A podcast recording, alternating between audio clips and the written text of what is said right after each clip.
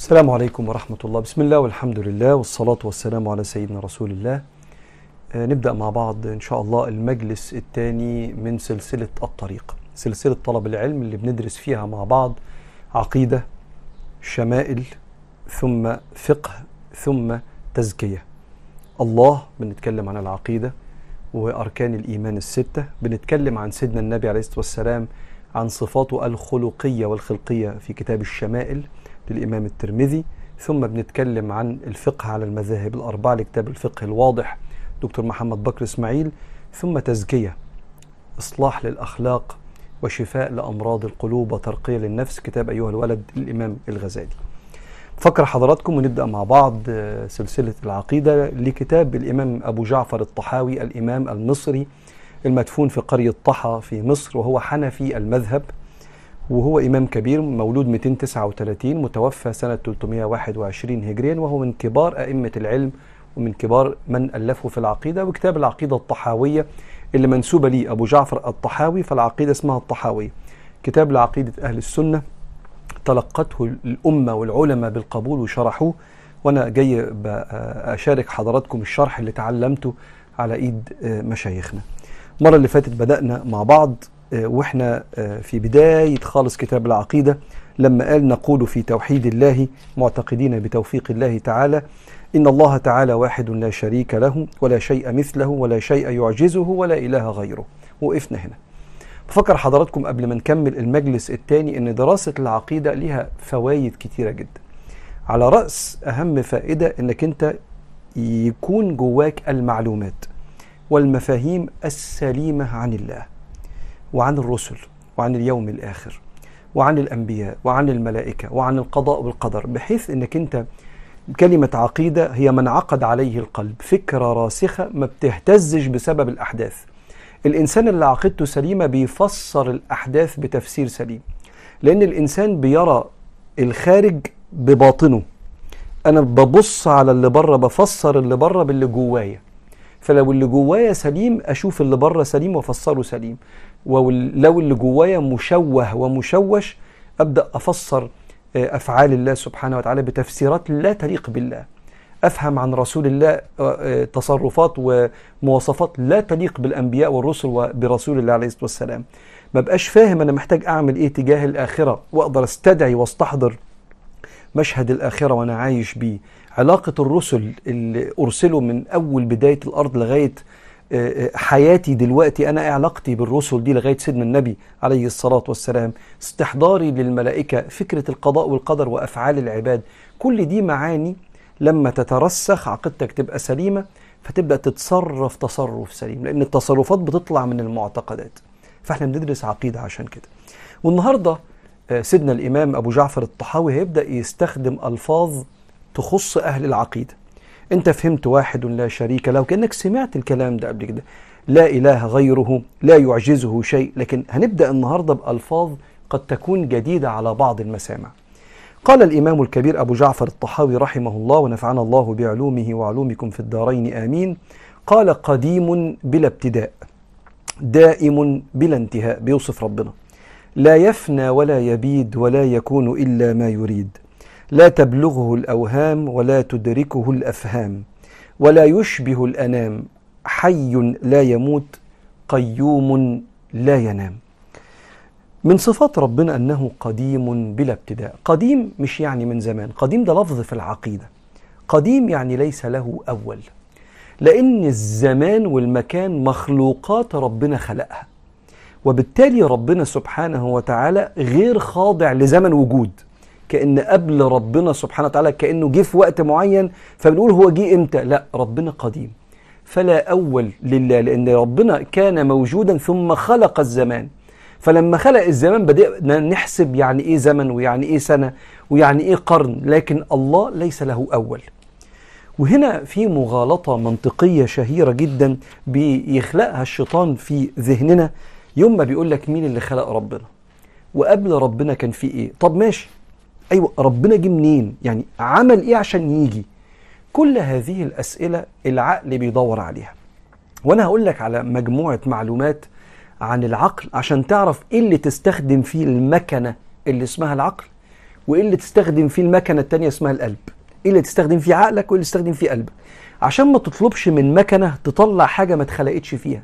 فعشان أحط عمارة فوق عربية صغيرة وأقول للعربيه امشي مش هتمشي.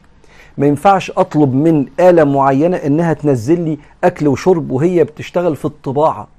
فالعقل ده خلق علشان يدرك الأشياء اللي بيعرف يتصورها. لأن العقل ده ثقافته اتكونت من الجوارح اللي بتدخل له حاجات.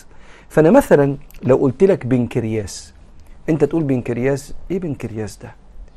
هو ده اسم مدينة ولا اسم حاجة في مواتير العربيات؟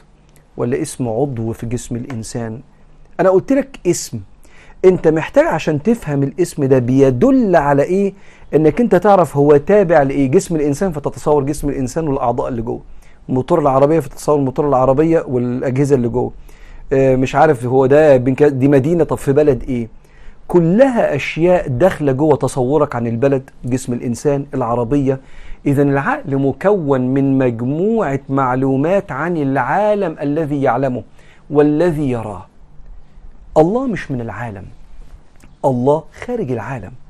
فتصور حقيقة ذات ربنا وحقيقة صفات ربنا مش شغل العقل لأن الله سبحانه وتعالى ليس كمثله شيء فكيف يتصوره العقل؟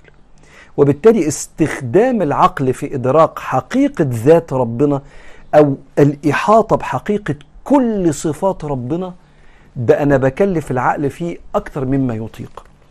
ولو الإنسان أصر إنه يحط بحر في كوباية مية هيعجز عن كده لأن المي الكوباية ما اتخلقتش عشان تسع هذا البحر. وكل ال- الأفكار أو المعتقدات اللي أصحابها بشر رفضوا رفضوا إن هم يؤمنوا بربنا إلا لما يفهموا كل حاجة عن ربنا ويدركوا ذات ربنا. العقل ما مش هيعرف كده. فبدأوا يطلعوا بتصورات عقلية عن العقيدة. فبدأوا يعبدوا حيوانات ويعبدوا أشجار ويعبدوا بشر ويعبدوا آه، مخلوقات. فطلعت أفكار عقلية تانية من عقول تانية رفضت اللي هم قالوا عليه. فلما العقل رفض إنه لازم عشان أؤمن بربنا أدرك كل حقيقة صفات ربنا وافهم ذات ربنا عجز العقل. فبدأ بقى يبقى فيه أكتر من ألفين عقيدة من تأليف البشر من أول عبادة الفيران لغاية عبادة الشمس مرورا بعبادة الأبقار. فأنت محتاج إنك أنت توقن بقلبك وعقلك وده اللي محتاج تقتنع بيه بعقلك بوجود الله. وأن الله هو الخالق وده اللي هنمشي فيه علشان نقتنع إن شاء الله بقلبنا وعقلنا. فإذا أيقنت أنه إله وأنه موجود في بعد كده بعد يقينك ده ومعرفتك ده بعقلك وبقلبك في بعد كده صفات عن ربنا. لو اتفقنا أنه إله واتفقنا أنه موجود في بعض الحاجات يقول لا أنا عقلي مش هيفهم دي. ومش مش عايز أستخدم ألفاظ يعني مش علمية بس أنا متصالح إن أنا لا أدرك حقيقة ذات الله. متصالح. وربنا سبحانه وتعالى يفعل ما يريد. ومن حق الله سبحانه وتعالى أن يعطينا أشياء بالبراهين. عشان كده القرآن والسنة ممتلئين بالأدلة العقلية على وجود الله كخالق وعلى وحدانية الله. آه ده أنا محتاج أقتنع بيه ده. اقتنعت بده بعد كده صفات ربنا اللي هي خارج العالم ليس كمثله شيء قد لا تدرك حقيقتها بعقلك. عشان كده لما بيجي الشيطان يقول لك من خلق الله السؤال ده أنا لسه بشرح لك في قديم بلا ابتداء. ربنا ملوش أول وبعدين إيه بدأ بقى من السنة دي. لا هو قديم ليس له أول لأن الزمن مخلوق. لما الشيطان بيقول لك من خلق الله فأنت عن عندنا كده العلماء يدرسوا لنا ما يسمى بالتسلسل بلا أولية. يقول لك التسلسل بلا أولية محال عقل. يعني إيه؟ مين خلق ربنا؟ إله. طب مين خلق الإله ده؟ إله تاني. مين خلق الإله التاني؟ إله تالت. فيقعد كده. ما هو لازم في الآخر نوصل لإله لأن التسلسل بلا أولية محال مش منطقي. لازم يجي في واحد هو اللي كان الأول اللي خلق دول كلهم. فجه ربنا قال لك أنا الأول وخلقت ولم أخلق آلهة إنما أنا إله واحد وخلقت كل مخلوقات. كلمة قديم في لغة العقيدة عكسها حادث. حادث شيء محدث شيء مخلوق. وكل حادث يجب أن يكون له محدث يعني خالق. وكل حادث يجب أن يكون له محدث. محدث. محدث يعني خالق لغاية ما نوصل للخالق. ولو قلت طب أيوه بقى أهو أيوه بقى مين اللي خلقه؟ ما إحنا لو قلت لك خلقه يبقى في حد خلقه هيبقى برضه هو كمان ما دام الخالق حد خلقه يبقى الخالق مخلوق. استنى. بس الخالق مش مخلوق الخالق خالق. فإزاي بتسألني من خلق الله والله مش مخلوق؟ ودي بيسموها العلماء المغالطة المنطقية. إنك تيجي على حاجة وتسأل سؤال منطقيا غلط فتقول لي هو مين اللي شرب الكتاب أقول لك الكتاب مش مشروب عشان يتشرب. السؤال فيه مغالطة منطقية. فلو قلت لي مين اللي شرب الترابيزة أقول لك الترابيزة مش مشروب السؤال غلط. قول لي قول لي حاجة تانية تمشي معاها. فربنا مش مخلوق عشان أقول من الذي خلق الخالق لأن هو لو السؤال من الذي خلق يبقى اللي جاي ده مخلوق والله مش مخلوق. وبيضربوا مثال لطيف جدا جدا. يقول لك مين اللي خبز العيش؟ يقولوا الخباز خبز العيش. يقولوا طب مين اللي خبز الخباز؟ خبز الخباز. الخباز ده راجل مش مخبوزات عشان حد يخبزه. السؤال غلط. وبالتالي الله قديم مش مخلوق. هو لا أول له بلا ابتداء. وبما أن ربنا سبحانه وتعالى قديم يعني ليس له أول خارج الزمن هو اللي خلق الزمن يبقى ربنا كما يقول بقى في بقية بقى الكلام دائم بلا انتهاء. الله سبحانه وتعالى لن يأتي عليه وقت ويموت. يفنى. يرجع عليه وقت وينتهي يتلاشى. فقال لك الإمام قديم بلا ابتداء دائم بلا انتهاء. لا يفنى ولا يبيد. مش هيجي عليه عوامل تخلي الصلاحية تنتهي وخلاص يتلاشى. أو يجي عليه ظروف تبيده. فيصبح غير موجود يباد يفنى يتلاشى. ده مش إلهنا. الشمس بتغرب وبتشرق بتتغير. القمر بيبقى صغير كده حتى عاد كالعرجون القديم زي ورقة الشجرة القديمة اللي اتلوت من كتر ما نشفت بقت عاملة كده العرجون. أو الجريدة اللي نشفت فبقت عاملة كده. وبعدين الضوء بيتغير فيه فيبقى قمر فبيتغير والشمس بتروح وتيجي وتبعد وتقرب وتغرب وتش... كل هذه التغيرات لا تطرأ على على الله. الله لا يتغير. دي عقيدتنا إحنا في ربنا. فبيقول له لا يفنى ولا يبيد ولا يكون إلا ما يريد. وبما إن ربنا سبحانه وتعالى لا يضعفه ولا ينهيه ولا يفنيه ولا يبيد شيء بل هو حي لا يموت اذا من صفات الكمال الا يقهر. فلا يستطيع المخلوق أن يقهر الخالق. فلا يكون في هذه الأكوان إلا ما أراده الله. وده يخليك مطمئن. كل ما تعرف ربنا تعرف حبه ورحمته وحكمته وكرمه تعرف أنه لا يريد إلا كل نافع وإلا كل خير وإلا كل صلاح. وإلا كل ما يليق به سبحانه وتعالى مش من صفاته إنه بيأذي مش من صفاته المؤذي مش من صفاته إنه بيعمل شر محض ما فيهوش حكمة مش من صفاته سبحانه وتعالى ال... إنه يعمل شيء لما تحط كده الشيء ده وتقول أين الرحمة هنا؟ بل كل تصرفاته وأفعاله كلها رحمة كاملة.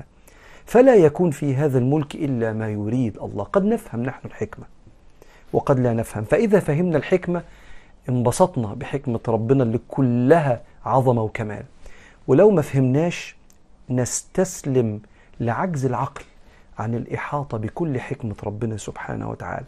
فإذا لم تفهم الحكمة فاستسلم للحكيم وفوض أمرك للحكيم فلا يكون في هذا الملك إلا ما يريد. والله أعلم.